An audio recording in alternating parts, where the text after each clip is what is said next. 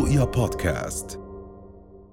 اليوم رح نحكي عن خمسة من أصعب اللغات للتعلم على الناطقين بالعربية ورح نبلش بالمرتبة الخامسة مع لغة الماندارين اللي تعتبر لهجة واحدة من اللغة الصينية وتعتبر اللغة الرسمية في البر الرئيسي للصين وتايوان وبتحدث فيها سكان المناطق الشمالية والوسطى والجنوبية الغربية من الصين وتعتبر الماندارين اللغة المعتمدة من الحكومة ومستخدمة في صناعة الترفيه والتعليم.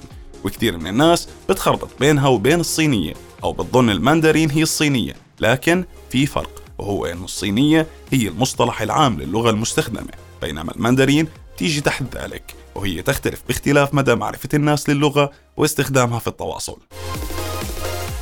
أما في المرتبة الرابعة بتيجي اللغة الفنلندية أو ما تعرف باسم الأوغارية وهي من نفس عائلة الإستونية والهنغارية وفي اللغة الفنلندية كثير من أشكال التصريف. وحروف الجر فيها أقل من اللغات الهندية الأوروبية واللي بيميزها عن غيرها من اللغات هو ترتيب الكلمات الحر. وبفنلندا عادة ما بيتم استخدام صيغة المفرد في المخاطبة وأحيانا بتكون المخاطبة بصيغة الجمع على إنها نوع من أنواع الأدب. فعلى سبيل المثال غالبا تستخدم صيغة الجمع حضراتكم في المخاطبة مع الزبائن والناس المتقدمين في السن. بالمرتبة الثالثة لغة اليابان الرسمية. اللغة اليابانية واللي بنطق فيها أكثر من 126 مليون نسمة. وتكتب اليابانية من اليسار لليمين ومن الأعلى للأسفل. ويمكن أغلبنا عنده فضول دائما يعرف كيف وعلى أي أساس تكتب اليابانية.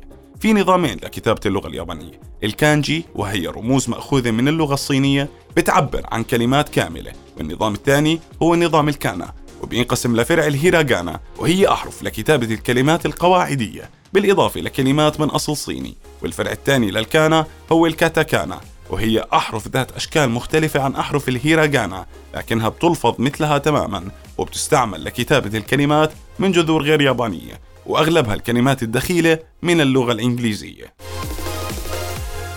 بالمرتبة الثانية واللغة الرابعة معنا لليوم هي اللغة المجرية أو الهنغارية. وهي المستخدمة في جمهورية المجر بالإضافة إلى رومانيا، سلوفاكيا، أوكرانيا، صربيا، كرواتيا، النمسا وسلوفينيا.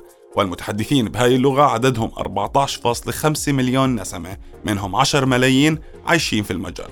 وانفصلت اللغة الهنغارية الأصلية عن موطنها في منطقة جبال الأورال قبل نحو 2000 سنة وأخذت بالهجرة غربا تدريجيا وفي طور الهجرة استعارت الهنغارية مفردات كثير من مجموعة اللغات التركية والإيرانية والهندية.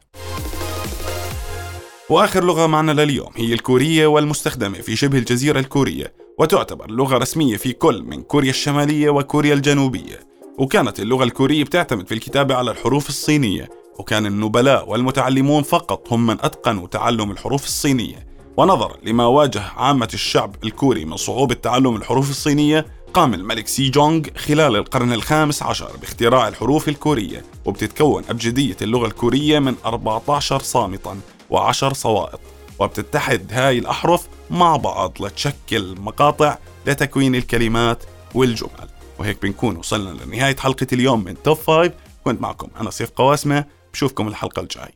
سلام.